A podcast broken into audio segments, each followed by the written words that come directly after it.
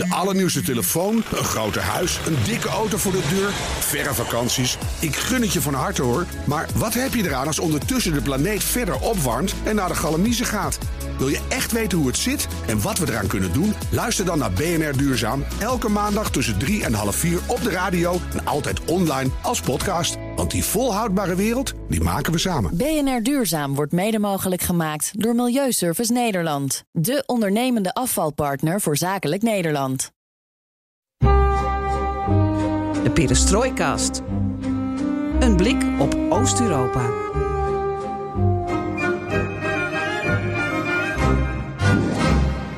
Welkom bij BNR Perestrooikast, aflevering 169 van de enige podcast van Nederlands die volledig oog voor het oosten heeft en geeft. Enthousiasme straalt er weer vanaf. Weer.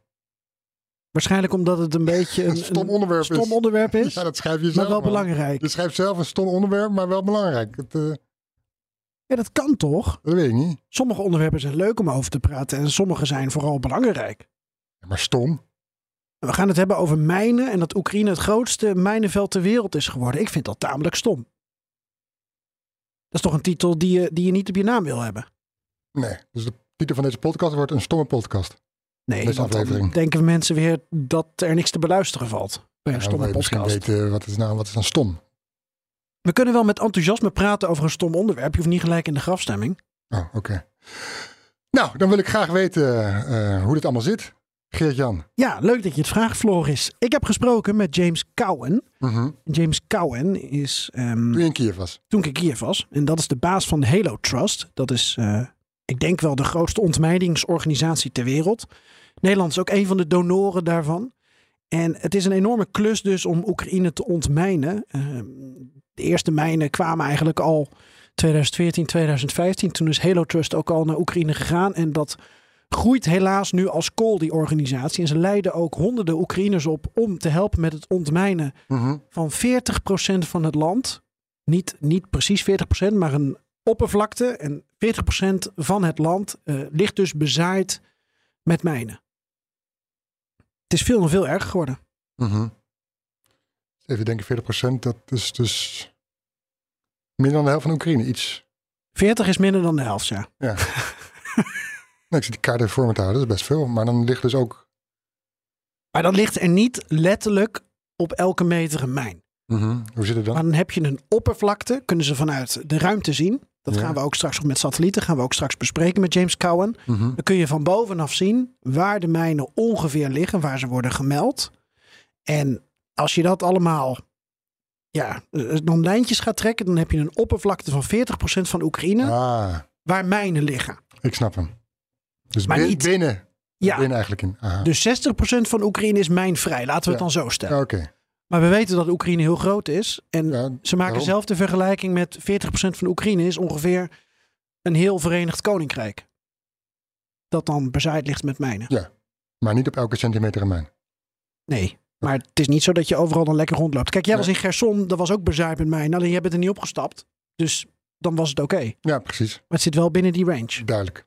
Ehm, ja, je, je hebt die, die Cowen. Dat is een. eh, geen kleine jongen, heb ik begrepen. Moet laten influisteren. Oud-generaal. Mhm. Ehm, eh, een Brit. Hij was actief in Afghanistan. Hij streed eh, tegen de Taliban. Was ook af en toe aan het overleggen met de Taliban. Maar met name tegen IS ehm, in Irak. Generaal van. Basra Fallujah was hij de baas van, van de Britten eigenlijk daar. Mhm. En als er dan een operatie Fallujah was, dan heb je dus bijvoorbeeld eh, iemand die het vanuit Amerika aanstuurt en iemand vanuit Groot-Brittannië. En dat was dus James Cowen. Hmm. Maar op een gegeven moment is hij eh, overgestapt naar, ehm, naar Halo Trust. Is hij dus eh, gestopt met zijn werk voor, voor Defensie. Hij is ook nog de veiligheidschef van de Olympische Spelen in Londen geweest, 2012. Dus toen moest hij in goede banen leiden. James Bond kan invliegen met de koningin. Ja, dat was dus even misgegaan. Tja, slecht hè? Ja, maar eh, daar was hij verantwoordelijk voor. En nu zit hij dus eh, te ontmijnen over de Aha. hele wereld. En hij was in Kiev en daar sprak ik hem. Aha, ik snap hem. Ik snap hem. Ehm, dat is Oekraïne. Maar we laten de Balkan ook niet in de steek. Ehm, jij hebt iets met de Balkan en ik heb iets met de Balkan. Ja. Deze aflevering. En dat is gewoon belangrijk om onze regio eh, toch breder te blijken, blijven, treffen, blijven trekken. Mhm. Maar het is wel heel veel dat we doen. Zeker. Het is een hele grote regio. Dus misschien eh, toch maar geen Mongolië meer. Wie weet. Maar Dubravka Ugresic. Ja. Daar wil je het graag over hebben. Ja, ze is overleden Mhm. afgelopen weekend. En daar wil ik het graag eh, over hebben. Het is wel een beetje raar om nu zo'n vrolijk bruggetje te maken. Want ik ga nu wel zeggen, je weet het inmiddels, alles. Ten oosten van de rivier de Elbe kan de komende weken, maanden, jaren in de perestrojkas besproken worden. Zo is er toch weer letterlijk een grafstemming ingekomen, Floris. Maar ik vind het belangrijk om haar even straks te, Ja, te eren. dat is goed. En dan kom ik ook nog met iets met eh Servië en Kosovo. Goed dat je het vraagt. En wat leuk is dat we heel sociaal en democratisch zijn. En abonneer je op ons, op ons zodat je geen aflevering hoeft te missen. BNR Perestrojkast. En zoek ons op in je favoriete podcast app. Ik ben Geert-Jan Haan Mijn naam is Floris Akkerman. en dit is BNR Perestrojkast.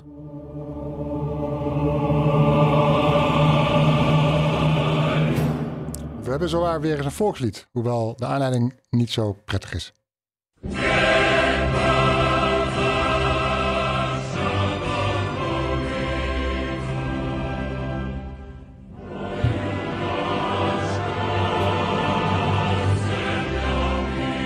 Ik krijg een boek toegestopt van Geert-Jan Dubravka Ugresic. Van Dubrav, Dubravka Ugresic.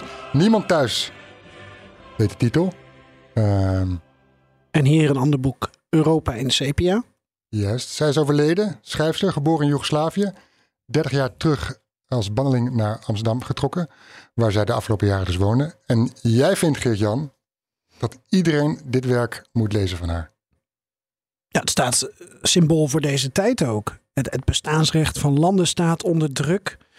Zij schrijft over eh, Europa dat moet omgaan met alle veranderingen in, in eigen landen of in het, op het continent, veranderingen eh, in Rusland.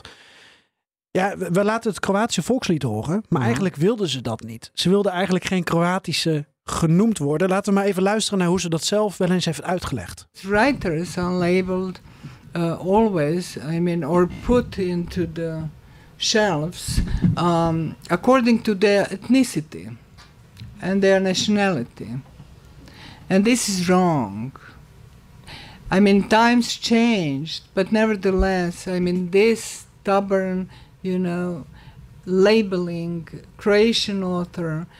I, I, what I get, for instance, is Croatian author living in Amsterdam, or or when people are very kind, then they would say Croatian-born author. I'm not Croatian-born author. I'm Yugoslav-born author.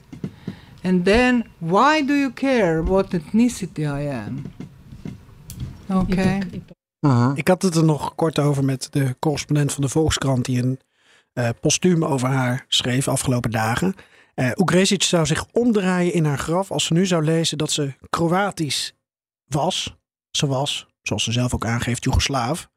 Betekent dat we ook eigenlijk dit volkslied dan moeten laten horen? Maar vindt ze dan dat, dat, dat er geen Kroaten horen te zijn? Serviërs? Als je verderop in het draaiboek komt, dan eh, gaan we dat bespreken. Oké.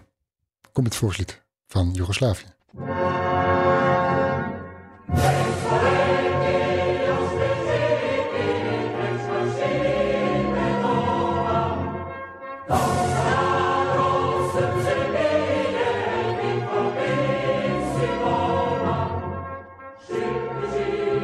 Nou, ik, krijg, ik krijg van jou een boek toegestopt. Toegestoken, niemand thuis.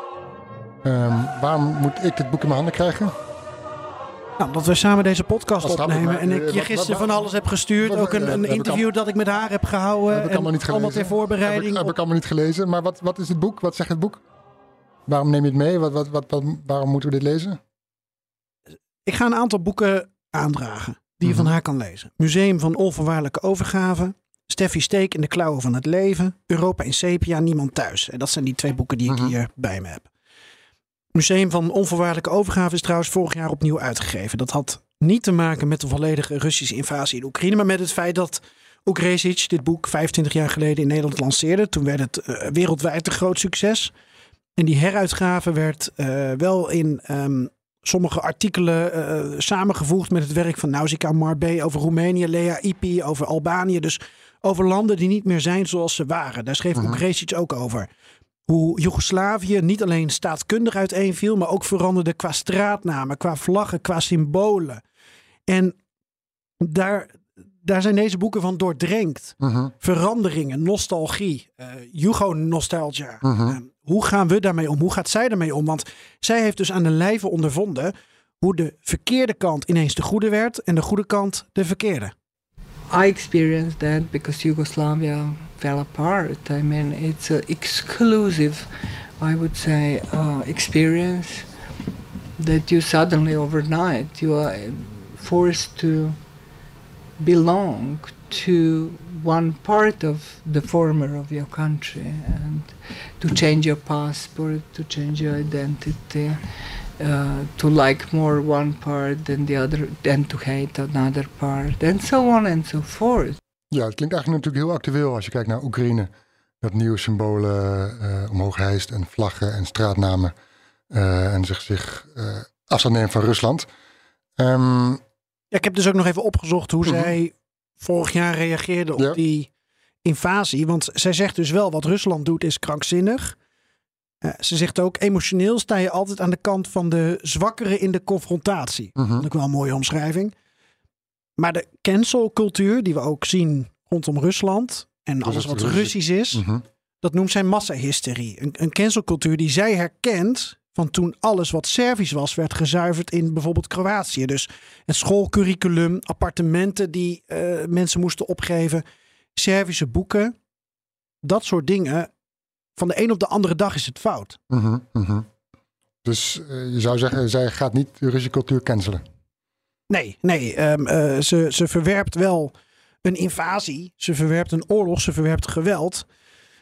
Maar kijk, ze zegt ook: ehm, wat zijn de gevolgen van zo'n invasie? Wie is erbij betrokken? Wie heeft erom gevraagd? Ehm, we discussiëren nog steeds over of we het Russische volk wel of niet kwalijk moeten nemen dat ze niet in opstand komen tegen Poetin. Dat het volk de daden in de Oekraïne niet genoeg verafschuwt.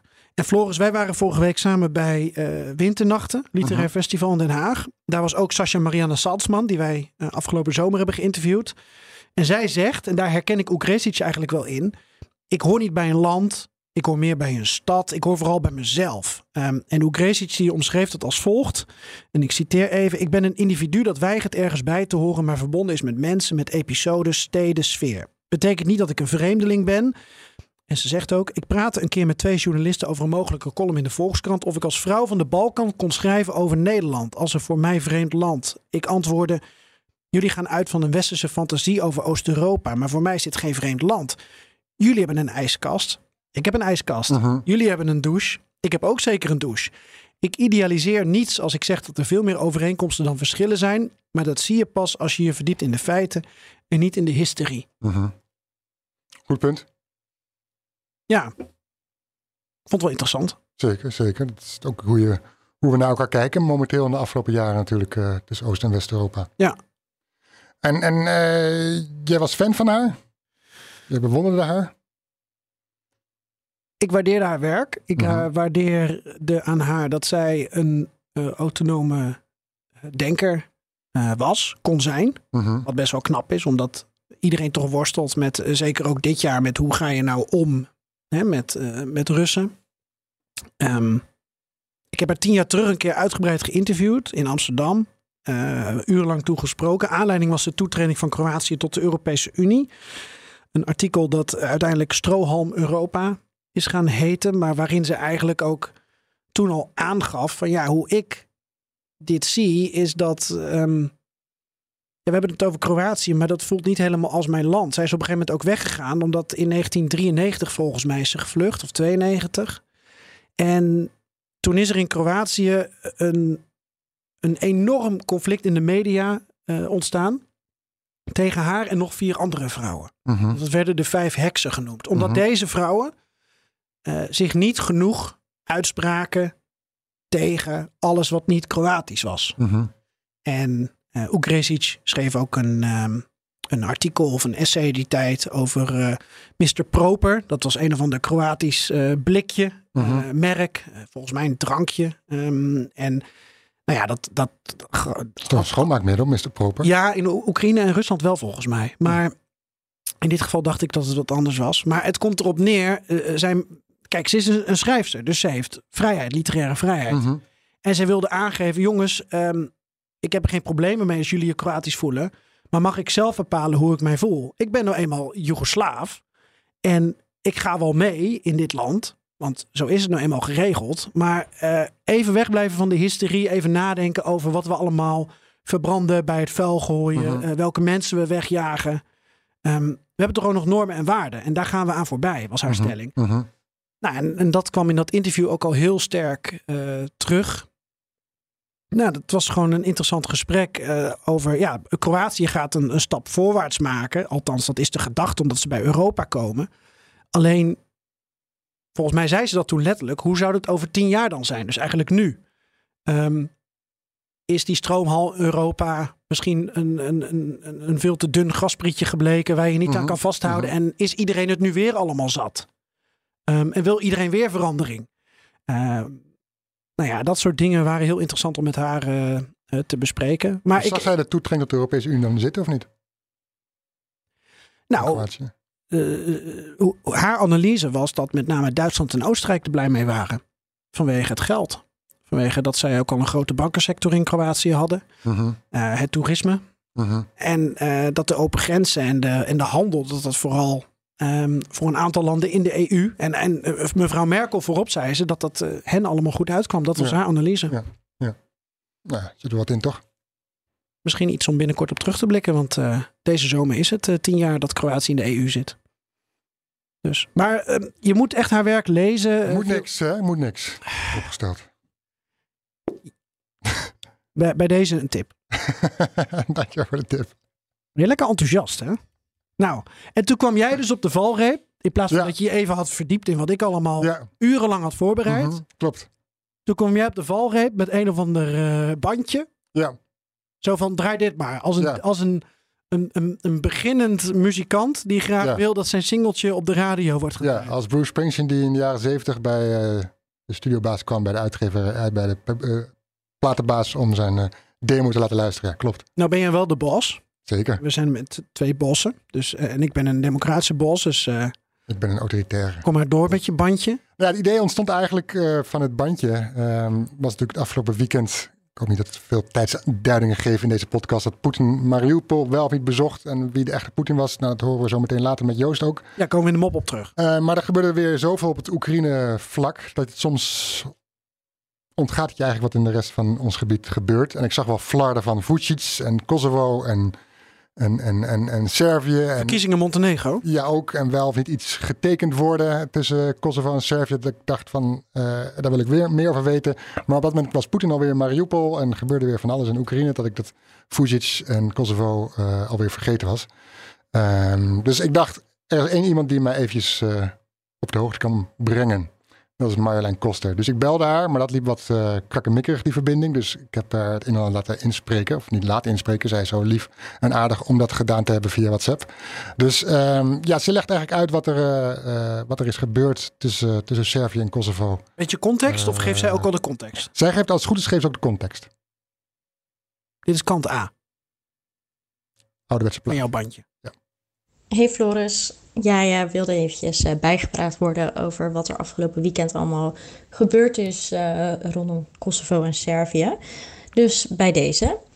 Want eh, afgelopen zaterdag hebben president Vucic van Servië en premier Kurti van Kosovo echt nou, urenlang, volgens mij twaalf uur lang, zitten vergaderen. En dat was onderdeel van de ehm Belgrade-Pristina Dialogue. Dat is een serie van onderhandelingen waar, ehm, nou ja, gefaciliteerd door de Europese Unie. En dat is gericht op normalisatie van relatie tussen deze twee landen. Nou, de gesprekken lopen al eh, ruim tien jaar en eigenlijk zit er al heel lang eh, geen schot in de zaak. Er komt gewoon helemaal geen vooruitgang. Maar nu ineens wel. Of nou ja, dat is dus een beetje ehm, twijfelachtig van is er nu eigenlijk vooruitgang geboekt of niet. Maar in ieder geval, dat is een beetje de boodschap die nu naar buiten gebracht wordt. Dus eh, terwijl het, eh, wat is het, drie maanden geleden echt nog, eh, nou ja, flink uh, flinke onrust was eigenlijk aan de grens tussen Kosovo en Servië, is er dus nu ineens een zogenaamde deal. Nou, misschien heel eventjes terug naar wat er afgelopen december gebeurde. Toen stuurde president Vucic, uh, of in ieder geval de regering van Servië, die stuurde het leger naar de grens met Kosovo. En uh, zei dat ze in opperste staat van paraatheid waren, dat ze bereid waren geweld te gebruiken als dat nodig was om de Servische bevolking in Kosovo te beschermen. Nou, eigenlijk dacht iedereen wel van, nou, dit is niet zozeer een echte dreiging. Het is meer een, nou ja, een, een, een tactiek die gebruikt wordt. Uh, um, want als je dreigt, dan kan je angst aanwakkeren. Als je angst aanwakkeren, kan je druk zetten. Uh, nou ja, dat soort mechanismes. Maar ja, het, het voelt natuurlijk wel gewoon flink bedreigend als er uh, nou ja, de geweren op je gericht staan. Dus nou ja, drie maanden geleden was het nog um, nou ja, best wel onzeker hoe de situatie zich zou ontwikkelen. Maar wat je sindsdien gezien hebt, is eigenlijk dat de Europese Unie en de Verenigde Staten uh, onwijs veel druk hebben gezet op deze twee landen om uh, nou ja, nader tot elkaar te komen, zoals we dat noemen. Mm, en uh, nou ja, na die twaalf uur vergaderen uh, zei Borrell, de buitenlandvertegenwoordiger van de Europese Unie, die zei: We have a deal. Nou, dat klinkt uh, vrij duidelijk, maar dat was het eigenlijk niet. Want er is niets getekend. Er zijn geen handtekeningen onder de afspraken gezet. Um, in plaats daarvan zou zijn afgesproken dat de, um, nou, de afspraken onderdeel worden van het toetredingsproces van uh, Servië en Kosovo tot de Europese Unie, dus bij beide landen. Um, nou, wat, wat houdt dat dan in? Het betekent onder andere dat Servië de uh, paspoorten, nummerplaten, uh, douanepapieren, uh, diploma's, etc. van Kosovo moet gaan accepteren. Dat ze elkaars nou ja, territorium respecteren. Um, ik even goed nadenken of er nog andere punten zijn die dan heel erg belangrijk waren uh, voor Servië. Nou, volgens mij is dat het een, een beetje. Um, en nou ja, dat de facto betekent dat eigenlijk dat Servië Kosovo zou nou ja, erkennen. En dat, is, dat wil Vucic absoluut niet. En um, nou ja, hij zegt dus ook eigenlijk de, nou ja, dat was dus zaterdag. Ja, dus is Marjolein Koster. Ik weet niet of ik helemaal goed heb geïntroduceerd. Freelance journalist, Balkan-kenner bij uitstek. Ze was nog in Kosovo, vertelde ze me. En waar ze dus zo'n stad bezocht waar de ene helft dus op de hand is van Kosovo en de andere helft van de bevolking even kort zwart-wit geschetst op de hand is van, uh, van Servië. En ja, de, de reden is dat zo'n deal dus mislukt, omdat Servië daar toch moeite mee heeft om Kosovo te erkennen. En dan is het dus de volgende dag zondag. En zondag sprak Vucic al in de Servische pers dat hij absoluut nooit iets zou ondertekenen wat legale afspraak met Kosovo zou betekenen. Want ja, hij erkent het niet als land. Dus uh, hij wil eigenlijk gewoon helemaal niks ermee afspreken. Waarmee je dus eigenlijk kan concluderen: wat hebben al die tien jaar onderhandelen voor nut gehad? Uh, aan de andere kant uh, zouden er afspraken zijn gemaakt voor een zogenaamde vereniging van gemeenten met een Servische meerderheid. Dus eigenlijk dat de Serven in Kosovo, dat gaat om volgens mij ongeveer 6% 5 of 6% van de bevolking, dat die een soort uh, nou ja, gemeenschap kunnen, uh, zou er moeten komen, zodat hun rechten uh, als minderheidsgroep gerespecteerd worden. Het gaat dan onder andere dat ze onderwijs in hun eigen taal kunnen krijgen in het Servisch. Dat ze gezondheidszorg uh, nou ja, in hun eigen taal kunnen blijven krijgen, want dat is nu ook al zo. En dat Servische geldstromen geaccepteerd zouden worden. Uh, en de Servisch-Orthodoxe Kerk zou um, um, ook formeel een plek moeten krijgen in Kosovo. En iets wat ik dan nu vergeten ben, is dat uh, in ruil daarvoor, hè, want twee partijen moeten tot een deal komen, dat Servië um, niet meer de toetreding van Kosovo tot internationale organisaties mag blokkeren. Uh, onder deze deal. He, dus dat op termijn Kosovo lid kan worden van bijvoorbeeld de Verenigde Naties, bijvoorbeeld de Raad van Europa, uiteindelijk Europese Unie. Nou, dat zou de deal zijn, maar er is niks getekend en eigenlijk weten we dus niet hoe nu verder. Um, want als Vucic zo hard blijft volhouden dat hij... En het is namelijk niet alleen dat hij zegt ik wil niks tekenen. Hij is het ook op een aantal punten niet eens in deze overeenkomst. Um, dus bijvoorbeeld die vereniging van gemeenten met een Servische meerderheid. De ASM zal ik het vanaf nu noemen. Um, nou, hij vindt eigenlijk dat daar dat dat niet ver genoeg gaat. In 2013 zou er ook, is er ook al een uh, overeenkomst hierover geweest waar meer, um, uh, hoe zeg je dat, een soort juridische zekerheid in zit. En hij wil eigenlijk dat dat geïmplementeerd wordt. Nou, daarvan heeft de Kosovaarse overheid gezegd uh, dat is ongrondwettelijk. Want nou ja, we willen niet een soort aparte staat voor Serven binnen Kosovo. Prima als ze hè, onderwijs in hun eigen taal willen, maar we gaan dat niet helemaal. Nou ja, ze willen Kosovo wil voorkomen dat er nog meer segregatie komt dan dat er al is. Um, dus nou ja, wat betekent eigenlijk deze deal? We weten het niet. Het gaat gewoon heel erg afhangen van in hoeverre uh, beide landen zich aan de afspraken houden en in hoeverre het de Europese Unie lukt om, nou ja, om die landen aan hun afspraken te houden. Mogelijke sancties zijn dat Europese fondsen worden stopgezet. Uh, er zit heel veel Europees geld, vooral in Servië. Dus als uh, Vucic zijn afspraken niet nakomt, dan uh, zou dat best wel economische consequenties kunnen hebben. Aan de andere kant hebben we dus in het verleden ook gezien dat de Europese Unie, um, nou ja, dit soort eisen stelt, maar vervolgens dus ook niet um, sancties invoert als de afspraken niet worden nagekomen. Um, dus ja, het kan, het kan nog alle kanten op. Uh, je zou kunnen zeggen dat het een, um, een historisch deal is. Maar ik denk dat we dat pas later kunnen zeggen als we ook weten in hoeverre het uh, nou eigenlijk daadwerkelijk effect heeft gehad. En uh, nou, dat zal alles van afhangen hoe de leiders zich nu gaan gedragen en hoe ze uh, nou ja, draagvlak kunnen gaan krijgen hiervoor onder de bevolking.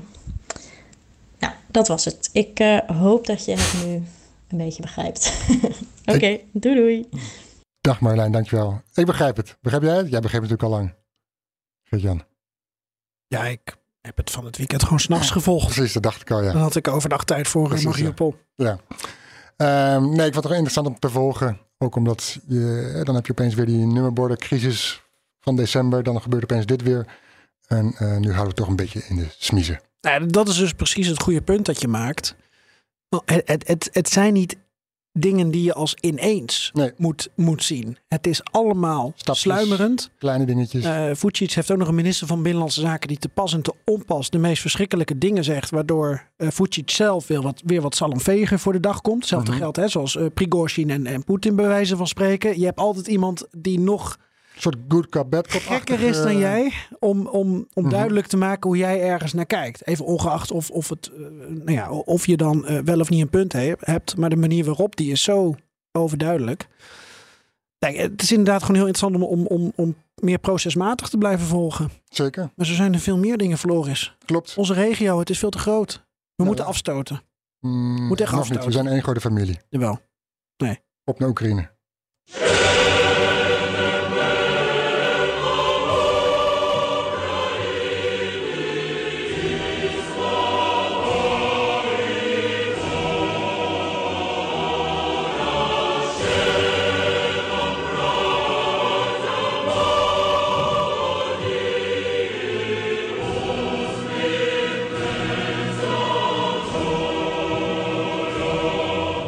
Oekraïne dus, een land dat deels bezaaid ligt met mijnen. Iets wat deze man probeert op te lossen. James Cowan, and I'm the chief executive of the Halo Trust. Ja, dit was een uh, vier seconden opname van uh, Geert-Jan uh, met James Cowan in uh, Kiev. Um, even een korte introductie, alsjeblieft, Geert-Jan. Nou, buiten wat uh, James Cowan net zelf zei. Uh, Halo Trust in Oekraïne zit um, een beetje in het centrum van, van Kiev, uh, bij Zolotiva Rota. Voor de mensen die dat kennen, naast de Noorse ambassade hebben ze een kantoor. Maar Halo Trust zit eigenlijk wereldwijd in heel veel steden. Heel veel landen. En Cowan is een, uh, een, drukke man, probeert met allerlei mensen in Oekraïne te overleggen. Het is een soort, uh, ja, hij is een soort knooppunt, om, om het zo te zeggen, op het gebied van ontmijnen. En na ons gesprek in Kiev ging hij ook naar de Amerikaanse ambassadeur. Ehm, daar komen we vanzelf nog even over te spreken. Waarom is het relevant om het hier nu over te hebben, Floris? Mhm. Omdat ik zag net nog een bericht binnenkomen van het presidentieel kantoor van Zelensky. Die aangaf dat Zelensky eh, op dag van opname vandaag 21 maart in Moschun was. Mhm. Om daar eh, de bevrijding van Moschun te herdenken. Eigenlijk het eerste dorpje of een van de eerste gebieden eh, waar Oekraïne weer voet aan de grond kreeg na die Russische invasie. Nadat de eerste gebieden Mhm. werden, werden bezet door de Russen. Maar hoe laten ze dat dan achter? Ja, vol met booby traps, vol met mijnen. Uh, was geen ander verhaal. Eh, totaal vernietigd, eh, maar ook nog eens vol, ehm, eh, volgeplant met mijnen. Nou, en, en daarom is het zo relevant om het hierover te hebben. Eén klein dorpje dat eigenlijk dan symbool staat voor ja, een heel land. Mhm. Ehm, twee belangrijke inleidende vragen dan. Wat doet Halo Trust dan precies in dat geval? En wat doen ze in Oekraïne? Ehm, je hoort ons gesprek in het Engels. Eh, we knippen dat op in een aantal delen, zoals we dat ook hebben gedaan met, eh, met burgemeester eh, Klitschko van Kiev. Ehm, dus eerst die twee vragen. Wat doet Halo Trust precies en wat doen ze in Oekraïne? So, Halo is the world's largest uh, mine clearance charity. Um, we're British, we're American, we're European, uh, but above all, we're multinational. And we're in 30 countries around the world. Uh, we have 13,000 staff. Our biggest country program is in Afghanistan. Our smallest is in El Salvador. And uh, we, our work is very simple. We uh, save lives by clearing landmines, bombs, and other unexploded ordnance. And we build livelihoods because we clear the land. And once it's been decontaminated, then uh, people can live, they can farm, they can have industry and businesses, and they can lead, lead their lives in peace. And what are you doing in Ukraine currently? Well, we've been in Ukraine since 2015. And we came here in, in response, of course, to the war did not start last February. It began uh, in 2014. So uh, we wanted to help the people of Ukraine, and we built our program in the Donbass. Uh, we had people based from Mariupol up to Kramatorsk, and uh, we were working in the Donbass, clearing uh, landmines and other unexploded ordnance from the 2014 war. So when the uh, Russians invaded in February last year, uh, we obviously had some serious decisions to make. And so we moved our staff, uh, as many as we could, back from the Donbass uh, to this area around Kiev. Um, about half the staff um, with us. Some were uh, in the army, some have other responsibilities. And so we dropped down from 430 staff to about 200. But since then, we have rebuilt, and we're now at 700 staff, um, and we have plans to grow to 1,200. And we are expanding out from uh, the towns around uh, Kiev, the, the, ones you're familiar with, Bucha, Brovary, etc. And uh, we're moving um, along to the east, and northeast, um, to around Kharkiv, and we're moving into the south around Mykolaiv. And our plans are to move into all areas which are liberated uh, by the Ukrainians during the course of this year and beyond. Uh, hoe wordt deze organisatie nou gefinancierd? Wie zit erachter? Hoe werkt dat? Een heleboel westerse landen die uh, steunen deze organisatie. Uh, dat zijn als het ware dus de donoren. En, en een land als Nederland doneert ook miljoenen euro's, daar hebben we het dan over. Ze hebben een hoofdkantoor in Groot-Brittannië, maar uh -huh. ze hebben ook kantoren in, uh, in Den Haag en in um, Amerika. Wat je verder ziet is dat het uh, vooral westerse landen zijn die dan uh, doneren. -huh. Maar dat ze dan tegelijkertijd in derde wereldlanden of een land als Oekraïne natuurlijk -huh. hun, hun werk doen. Mhm. Maar ja, hoe meer conflictgebieden erbij komen, hoe, hoe meer werk er aan de winkel is, hoe meer geld er nodig is. James ja. Cowen zegt al, we moeten opschalen naar 1200 mensen. En dat is misschien al niet genoeg. Mhm. En ze hebben net een land als Mozambique uh, mijnvrij gekregen. En dat Mhm. heeft dus 20, 25 jaar geduurd. Ja. En dat is een, een kleiner conflict als je het hebt over mijnen en explosieven geweest dan Oekraïne nu. Ja, ja. Um, generaal, een man die, die, die zijn sporen heeft verdiend, of in ieder geval die, die weet wat er, uh, wat, er, wat er te koop is in de wereld. Um, nog iets meer over hemzelf? Ja, laten we even luisteren naar uh, zijn cv volgens uh, James Cowen zelf. Yeah, I joined the British Army in 1982. Um, I served in all the places that the British Army um, were in. I was in Germany, I was in Northern Ireland, Hong Kong, Africa, and then more recently I uh, was in Iraq uh, and in Afghanistan. I was the British commander in Afghanistan. I've done some other jobs. I was the head of counterterrorism in the Ministry of Defence, and my final job was as the commander of Britain's uh, warfighting uh, part of the army, the Third Division. The scale, the scale that Russia is fighting this war uh, in Ukraine and doing uh, in, inhuman things with all the uh, the mines, the explosives, the artillery. Um, have you ever seen that before? I don't think on this scale. No, I mean this is the first war uh, at this scale since the end of the Second World War, and in fact, my organisation was founded by a, an ex-British soldier who had experienced German landmines in Italy in, in 1944 and 1945, and he was horrified by that industrial and indiscriminate use of weapon systems. And it's sad in a way, but perhaps appropriate, that we're still uh, here to tackle um, such weapons, and we're very determined to make sure that we can rid Ukraine of these landmines. It can be done. You know, we uh, recently made Mozambique free of landmines. It took 20 years to do it, but it's been done, and we will do the same in countries like Zimbabwe or Sri Lanka or Angola. So one day Ukraine will be free of landmines and we will be here to help. De ene kant is een, een oud militair die nu dus uh, enigszins raakvlak heeft met zijn, met zijn vorige werk als militair. Maar Zeker. nu uh, een iets ander pad is ingeslagen. Um, hoe is dat zo gegaan? Nou, misschien even luisteren naar die switch. Maar ik, ik vroeg hem vooral naar, naar de, ja, zijn motivatie erachter, maar ook zijn, zijn passie. Mm -hmm. uh, het is een Brit, hè, dus hij praat super netjes en deftig. Dus misschien dat jij de passie er niet echt vanaf hoort. Cool, cool British. Maar reken maar dat hij uh, gepassioneerd is en met vol, volle bezieling dit werk uh, doet. Yeah, my time as a soldier, I look back upon with pride. It's a different time of my life. And um, I think I understand how wars are fought. I'm a realist, I'm a pragmatist. I, I, understand how to organize large bodies of people and turn them into a disciplined and an effective workforce. That is why I do the job I do.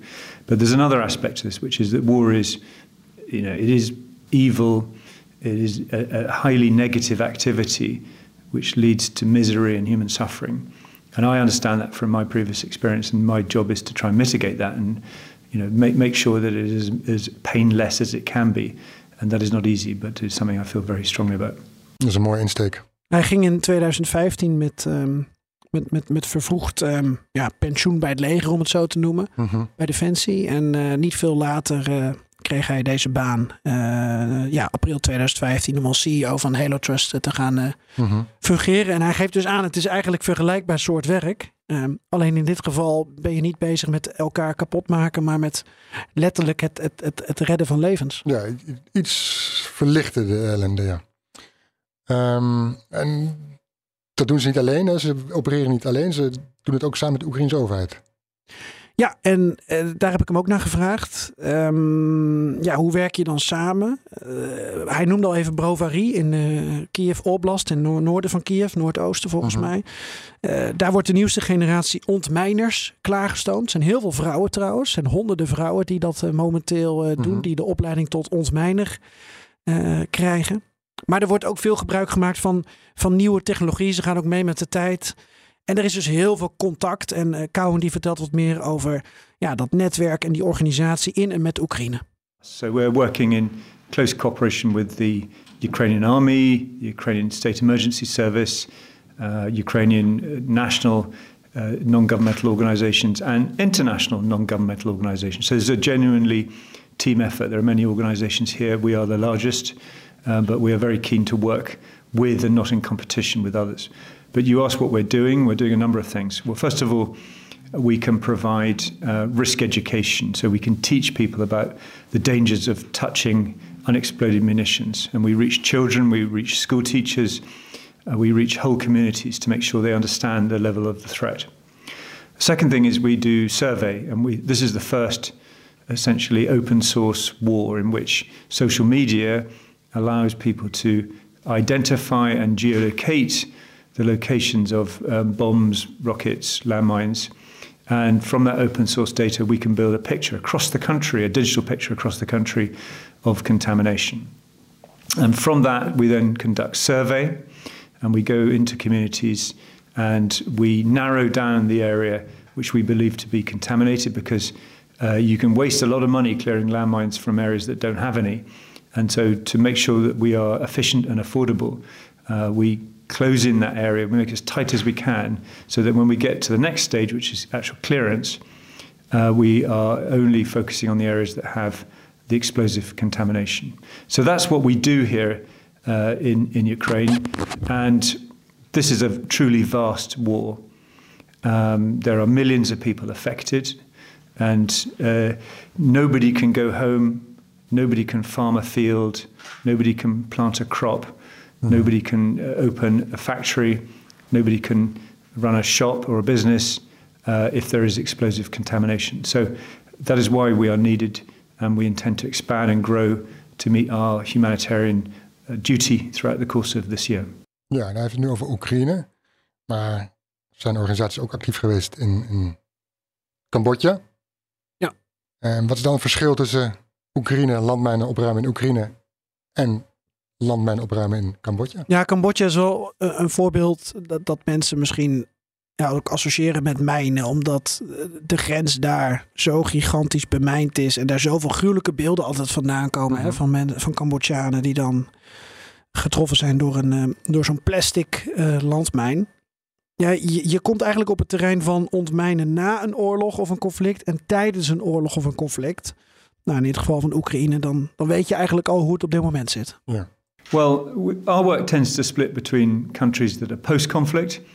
You know, we work in countries like Cambodia and Angola, which in which a war happened many, many years ago. And landmines are plastic; they are hermetically sealed, and even though the war has ended in those countries, the landmines remain as dangerous as ever. So those countries are post conflict. What marks Ukraine out from those countries is it's not post conflict, it's in conflict. So we can only really operate in areas that have been liberated. But we don't need to wait for the end of the war. We can occupy areas that have been newly liberated, such as around Mykolaiv and Kherson, and of course up around Kharkiv. So uh, our plan is to get into areas as soon as they become safe enough to operate in.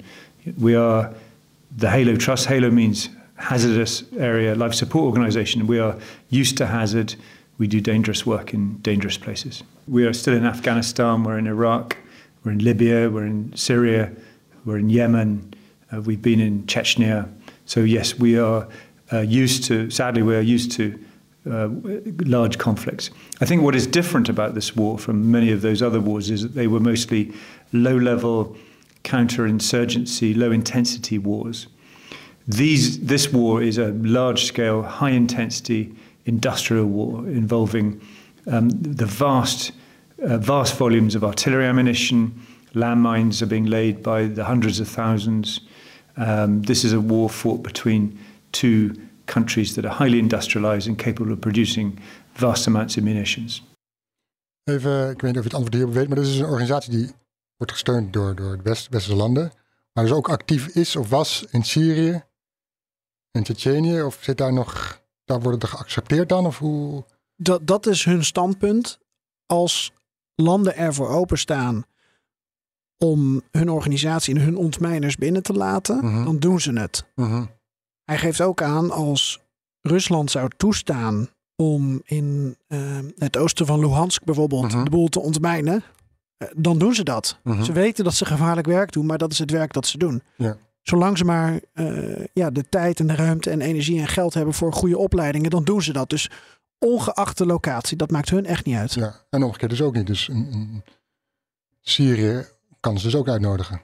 Ja. Omdat het dus een westerse organisatie is. Ja, ja dat kan. Ja. Nou ja, het is een, het is een NGO uh, met heel veel westers geld, maar uh, gericht op uh, ja, de hele wereld. En helaas sinds 2015 ook Oekraïne. Ik herinner me nog een reportage die Michiel Driebergen ook in 2020 heeft gemaakt in het oosten van Oekraïne. Toen al om te ontmijnen en te -huh. kijken hoe dat dan ging.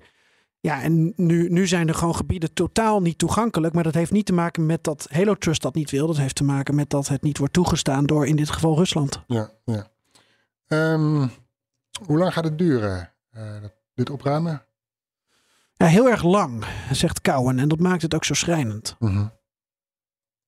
Well, uh, the rule of thumb is one day of fighting, one month of clearance. And of course, the basic unknown is that this is a war that has not yet ended. So I cannot say how many days of fighting there will be, and I therefore cannot say how many months of clearance there will be. Ja. Eén dag vechten staat ja. gelijk aan één maand opruimen. Nou, we zijn nu ongeveer 400 dagen verder. Ja. Dat betekent 400 maanden opruimen. Nou, reken maar uit, Floris. Even uit je hoofd. Uh, heel veel.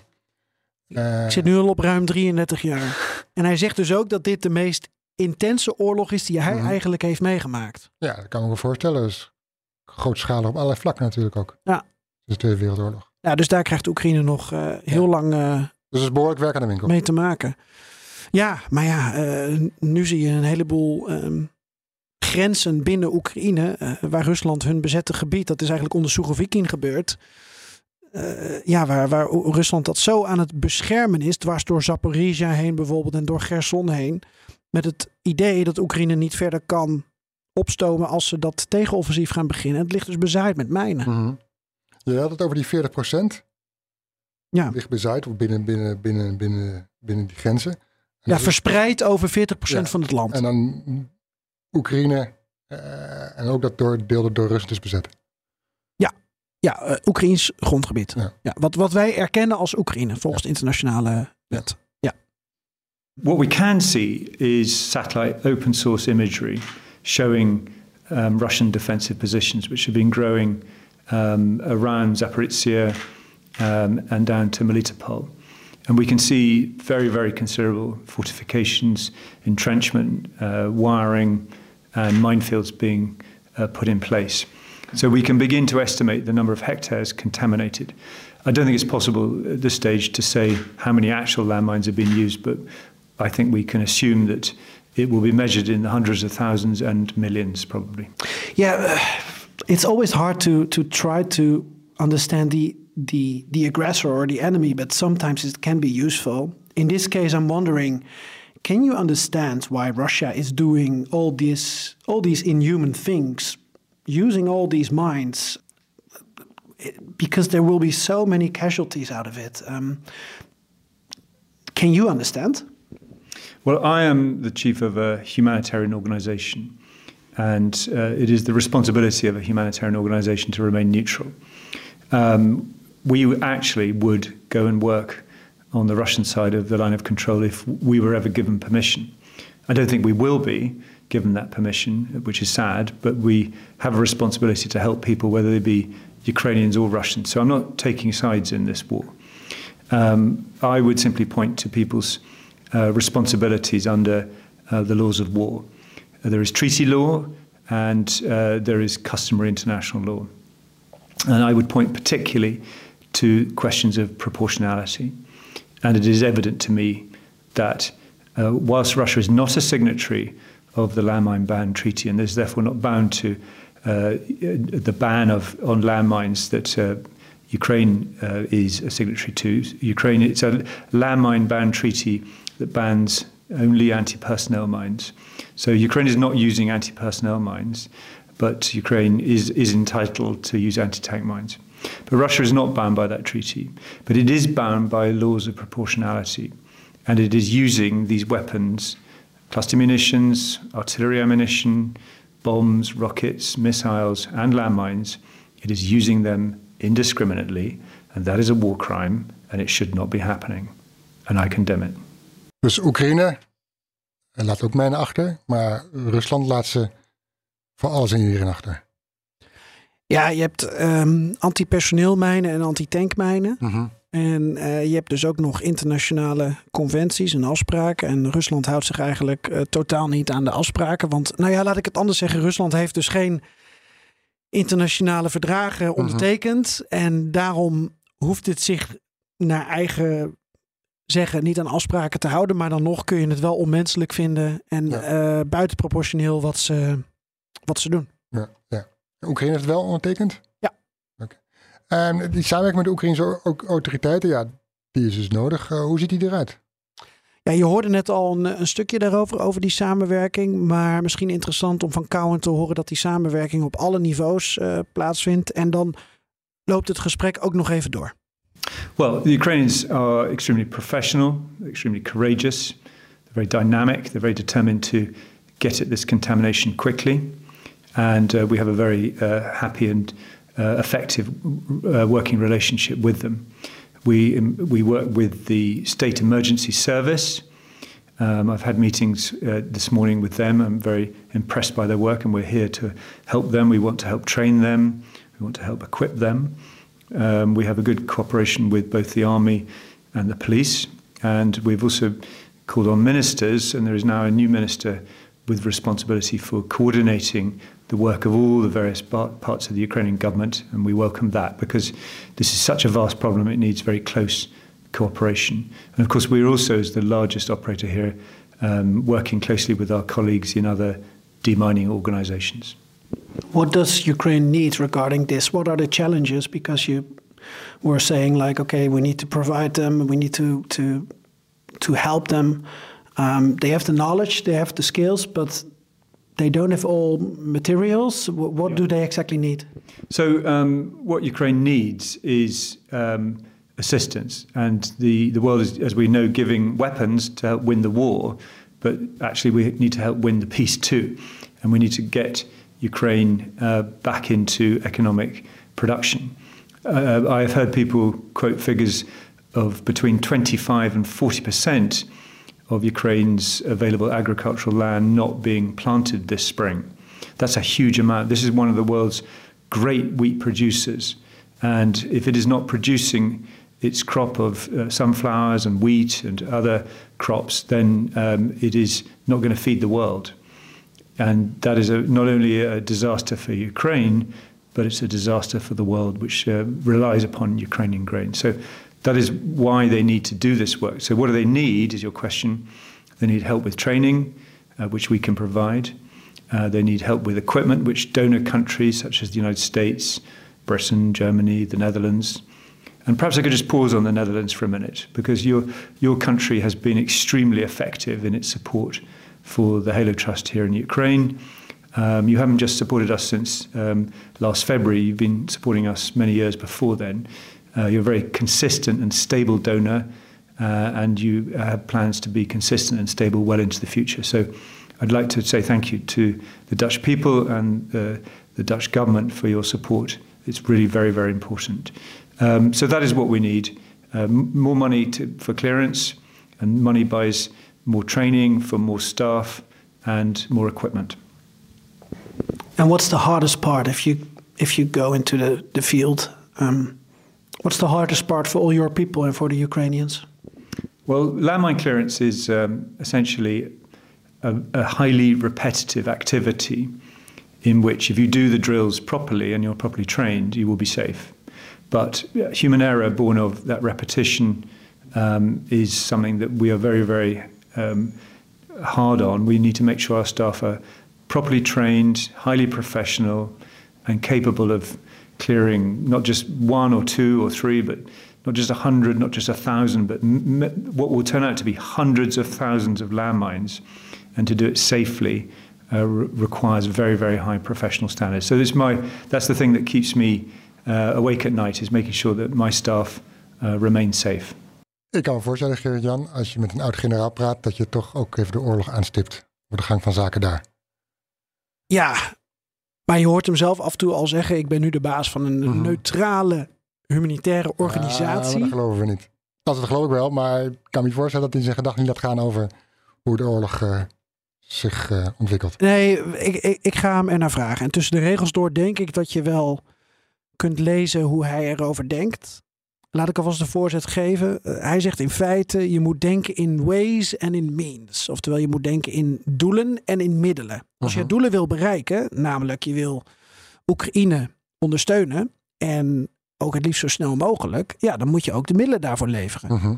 En dat is in feite wat hij zegt. Uh, het lijkt hem verstandig dat het Westen, als het het doel heeft om Oekraïne goed te steunen, dat ze daar ook zo snel mogelijk dan de juiste middelen voor geven. Dat is hoe je dan een juiste oorlog zou moeten voeren. Uh, als je daarin een partij kiest.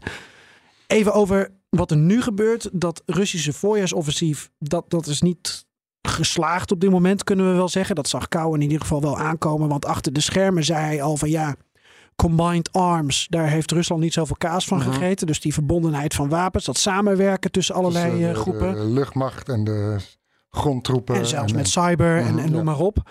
Ehm, het Oekraïnse counteroffensief, dat moet nog wel van de grond komen. Dus ehm, ja, wat kan je erover zeggen, meneer Cowen?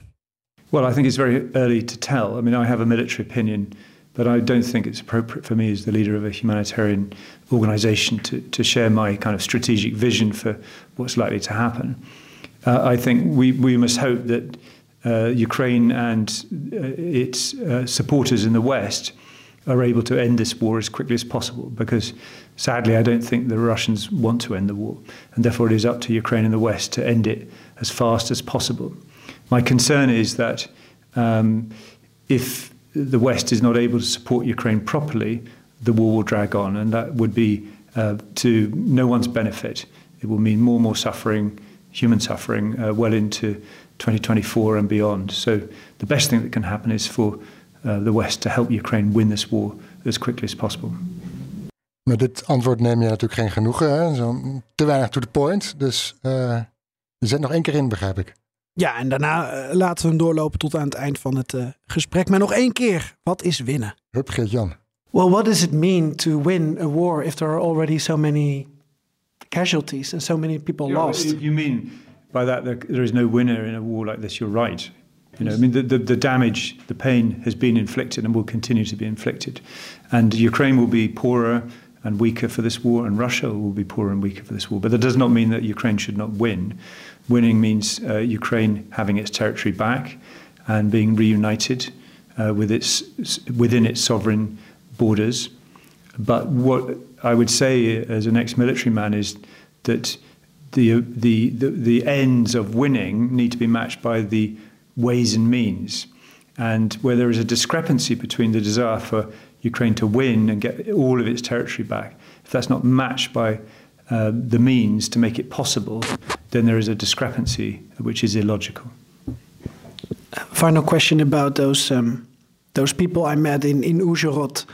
Uh, so people from Donetsk, from Mariupol, um, Severodonetsk. You're doing a great job. Your organization is doing a great job um, in eastern Ukraine as well. Um, but once Ukraine has the territory back, has liberated territory, like in Kharkiv area or in Kherson, how long does it take for people to to safely return to their houses, to the environment, because there are still so many explosives? Well, it will take as long as it takes to clear it, and the rate of clearance will be dependent upon the means. You know, if more money is given, then more people will be trained, and the faster it will be done. And if less money is given, it will take much longer. And what then will happen is that people will take matters into their own hands. They will go back into their houses and they will attempt to clear these devices themselves, and they may well find themselves being killed or maimed in the process. And my final question about you: Did you uh, travel a lot through Ukraine this year? And can you can can you maybe mention a place where you've been um, that was really striking? That's really on your mind all the time. Well, I, I think you know the place. I always look to the positive, you know. And the day before yesterday, I visited our training at Brovary, and there I saw hundreds of Ukrainians being trained to do landmine clearance. They're not being trained to kill people; they're being trained to save people, and that's incredibly uplifting. And many of them are women.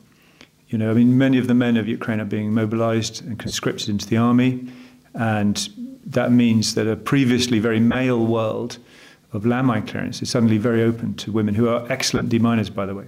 So, you know, they are now, th- this is such a great example of people taking uh, agency, to, empowering themselves to take control of their own future destiny. And that's the very positive and uplifting message I would like to leave you with. And are you aware of the fact that you're doing a very important job? That it's, yeah. I don't do the job. You know, I just lead this. I'm a facilitator. Um, I take my hat off to, I salute my the brave men and women of Ukraine who are doing the actual demining. They're on their hands and knees every day, clearing these landmines. It's dangerous work. You know, I, they're the people who are doing an important job, not me. Thank you for your time. Thank you.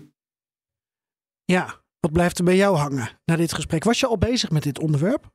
Nee, nee, nee, nee, nee, nee. nee. Uh, maar we blijft hangen um, toch het einde. Um, dat de vrouwen uh, mijnentrainers worden, ontmijningstrainers worden. En ik denk dat het een fractie is van wat je ziet, hoe die maatschappij van Oekraïne, ja, hoe de vrouwen denk ik de rug gaat vormen of gaan vormen als die mannen aan het front sterven of uh, getraumatiseerd, beschadigd, fysiek, lichamelijk terugkomen. En dan weet je op veel meer plekken nu vrouwen ziet die het land nu dragen. Ik had er geen tijd meer voor, maar mocht jij weer naar Kiev gaan en dan naar Brovary kunnen, mm -hmm. dan zou het best interessant zijn om ja. eens te gaan kijken. Zeker. Het brengt mij tot slot weer terug bij het begin van onze perestrooikast, toen het kort over Kroatië ging. Want in uh, een van die boeken van Dubravka Ugresic gaat het over hoe Kroatië, een land met 4 miljoen inwoners, maar liefst een half miljoen veteranen op een gegeven moment kent. Mhm. Dat was uh, tien jaar terug ongeveer. Ik weet niet de, de, de actuele data. Dus een achtste van je bevolking heeft in het leger gediend. Verwacht daar ook privileges voor. Mhm. Of is gehandicapt. Mhm. Kortom, een enorme impact op de samenleving. En ja, als je nadenkt over die mijnen. uh, hoeveel mensen uh, daar slachtoffer van worden. Of je nou in het leger zit of burger bent. En dan hebben we de rest van de gevechten nog niet eens meegenomen. Of de bombardementen. Oekraïne is zo beschadigd. En het eind is dus ook volgens Kouwen nog niet in zicht. En het is zo intens. Dat ik toch wel een beetje vrees voor het scenario. Dat, dat Dubravka Ugresic het over Kroatië beschrijft. Een land met ongelooflijk veel pijn. Mhm. En een pijn die heel lang nog voelbaar blijft. Zeker. Pijn die nu al zichtbaar is. Ja. Hoe moeten we nou een bruggetje maken naar de mop? Ja, elke keer hebben we daar moeite mee, want elke keer hebben we het over zulke deprimerende onderwerpen natuurlijk. Nou, gewoon uh, Joost bellen. Oké. Dan komt het wel goed. De echte Joost. De echte Joost. Joost. Joost. Hallo? Ja, hallo. Hoeveel hallo. Joosten bestaan er? Ja. Joost 1, 2, 3, 4. Hoeveel dommegangers heb jij, Joost? Vier. Vier broers, die lijken precies op. Ja, precies. Ja. Soms, denk, soms denk ik wel eens ik eentje hier rondlopen. En dan denk ik, ja, is het nou Joost of is het toch een dubbelganger? Ah, ik heb in ieder geval één, dat is een tweelingbroer.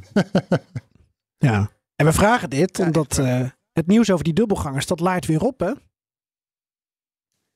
Ja, dat klopt. Uh, Poetin was afgelopen um, zaterdag in, uh, op de Krim, hè, Sevastopol. Hij was in Mariupol, hij was in Rostov.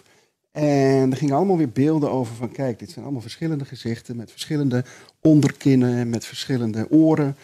Ja, uh, dit uh, verhaal gaat al jaren. Ik heb al jaren geleden al wel eens een, een, filmpje op, op YouTube erover gezien. En er zijn ook gewoon heel serieuze uh, politicologen die, die zeggen dat inderdaad Poetin dubbelgangers heeft. Ja, ik, ik vind het altijd een beetje een raar verhaal. Want hoe kun je iemand zo precies op een ander laten lijken? maar goed, je hebt ook van die, van die soort rubberen maskers hè, die je over je hoofd heen kunt trekken helemaal. En ja, dan, dan lijkt het wel heel erg soms. Dus ja, wie zal het zeggen? Ik, ik ga wel eens carnaval vieren en heb ik een masker van Floris.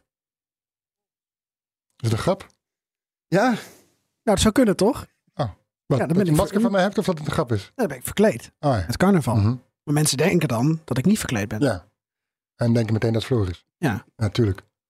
En dan kunnen ze aan mijn oren zien, want dat is het geloof ik toch Joost. Aan, aan de oren van iemand kun je zien of het een echt ja. persoon is of eventueel een, een, een, een stuntman. Dat, dat klopt. En er is trouwens een heel uh, ja, vreemd verhaal dat al wel acht jaar oud is. In een Duitse krant heeft de ex-vrouw van Poetin, uh, Ludmila, heeft ooit gezegd dat haar echte man, haar, de echte Vladimir, niet meer leeft. Zij zat in een klooster ergens, had zich teruggetrokken. En ze zei in het interview, de echte uh, Vladimir is al lang omgebracht. Diegene die nu voor president speelt, dat is een Jakut. Iemand uit Jakutië. Ja, die snapte nou ja, ik. Het gekke is dat dat verhaal eigenlijk nooit is opgepikt. Misschien hebben andere media gedacht van, nou ja, die is gewoon doorgedraaid daar in dat klooster. Maar goed, uh, ik, ik heb het altijd onthouden. Ik vond het een opmerkelijk verhaal. Of je hangt, Joost, als je het oppikt en doorvertelt. Uit het raam. Ja, nou ja, goed. Het, het, het stond uh, in de Duitse krant. Ik, ik, neem aan dat Russische media toen hier en daar ook wel hebben opgepikt. Maar Het is geen groot verhaal ooit geworden. Dat is, het, uh, dat is toch wel eigenaardig, want dat was wel bijzonder. Ja. Zit natuurlijk wel bij die gebeurtenissen van, uh, van Poetin afgelopen weekend op de Krim en in Mariupol en Rostov. Er zit wel enige trucage in de beelden. Want laten we het zo zeggen, Poetin die zelf achter het stuur plaatsneemt uh, en om drie uur s'nachts door Mariupol rijdt en dan bij mensen aanklopt. Zo van, nou ik ben hier toevallig, mag ik even binnenkijken of uw badkamer een beetje mooi geremonteerd is? Ja, Weet je, en zelfs zijn excuses aanbiedt dat hij, dat hij zomaar kon binnenvallen. Nou, ja, ik ken nog wel een paar andere Oekraïners aan wie die excuses mag aanbieden. Het is natuurlijk allemaal tamelijk in scène gezet. Want je ziet ook maar een klein clubje mensen daar staan. Wie zijn dat? Hè? Ik bedoel, zijn het acteurs? Zijn die daarop geselecteerd? Bewoners die wel wilden? Of, hè? En we hebben gezien dat er op de achtergrond iemand schreeuwt van dit is allemaal nep. Uh -huh. Circus. Uh -huh. en het, uh, die beelden die zijn vandaag ook uh, van de Kremlin-site gehaald. Uh, dus ja, het, het, het, was allemaal toch duidelijk in scène gezet, lijkt mij. Um, maar het lijkt er toch wel op dat hij in Mariupol zelf was. Als hij het zelf was, natuurlijk. Want dat is de grote vraag. Ja. Nou, ik vind nou tijd voor een mop. Duurt me te lang. Dat is toch een mooie inspiratie voor een mop? Ja, nou ja, goed. Ja, zeker. Ja, zeker. Kijk, uh, die, die, die Poetin en zijn dubbelgangers, die, die, die, die hebben vreselijke fitties met elkaar. Dit is de mop, hè? Ja, echt onderling. En, en, en ze, hebben, ze hebben voortdurend ruzie. Namelijk over de vraag wie er met Alina Kabaeva mag slapen. Ja, dit was hem dus. Ja, ja dit was hem. ja, ik snap hem. Ja, je weet wie Alina Kabaeva is, Geert-Jan, hè? Alleen als hij dood is, dan wie slaapt er dan? Dan, dan kan de echte niet meer. Dan slapen alle dubbelgangers dus eventueel met haar. Met deze turnster. Maar hij heeft ook nog dubbelgangers. Dat zou kunnen, ja. En die slapen dan weer met de dubbelgangers van Poetin. Ja, ja. ja, wie zal het zeggen? En met die dubbelganger Joost. Peskov werd er trouwens van de week gevraagd uh, van... van uh, ja, is het nou waar dat, hij, uh, dat Poetin dubbelgangers heeft? Waarop Peskov zegt... Ja, het hangt er vanaf welke Poetin je het vraagt. en dit is dus niet een mop, maar ik vind deze wel grappig. Ja, wel grappig. Ja.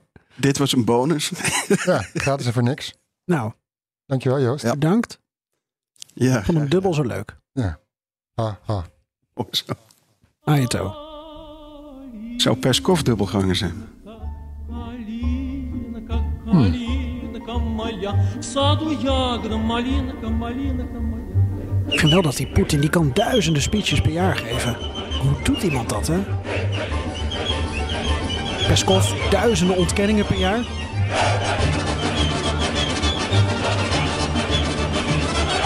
En nog één, één ding, hè? Voor zoveel dubbelgangers vind ik wel dat ze opmerkelijk vaak zeggen dat ze er niet waren en er niks mee te maken hadden. Ja. Aito. Oké. Dag Joost, dankjewel. Oké. Het is toch nastamniet? Zeggen ze toch altijd? Ja, ja zeker. Ja, inmiddels niet meer hoor. Maar dat, was, dat ging altijd over Oost-Oekraïne, Nastamjet. Ja, Nastam. Ja. ja. Oké. Okay. Oh. Dag. Нас там много.